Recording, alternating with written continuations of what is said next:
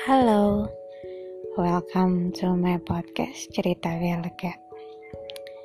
Um, kali ini pengen memperkenalkan diri kembali. Um, aku adalah seorang perempuan yang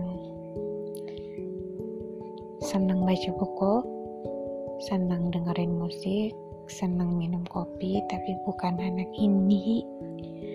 Dan aku pernah patah hati, bukan perempuan yang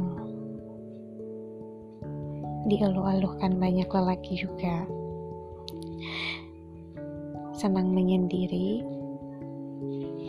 dan tentu saja kali ini di podcast saya ini akan membahas nantinya um, tentang beberapa hal atau beberapa kisah dari sudut pandang wanita. So, karena ini adalah sebuah perkenalan, jadi nggak boleh lama-lama ngomongnya.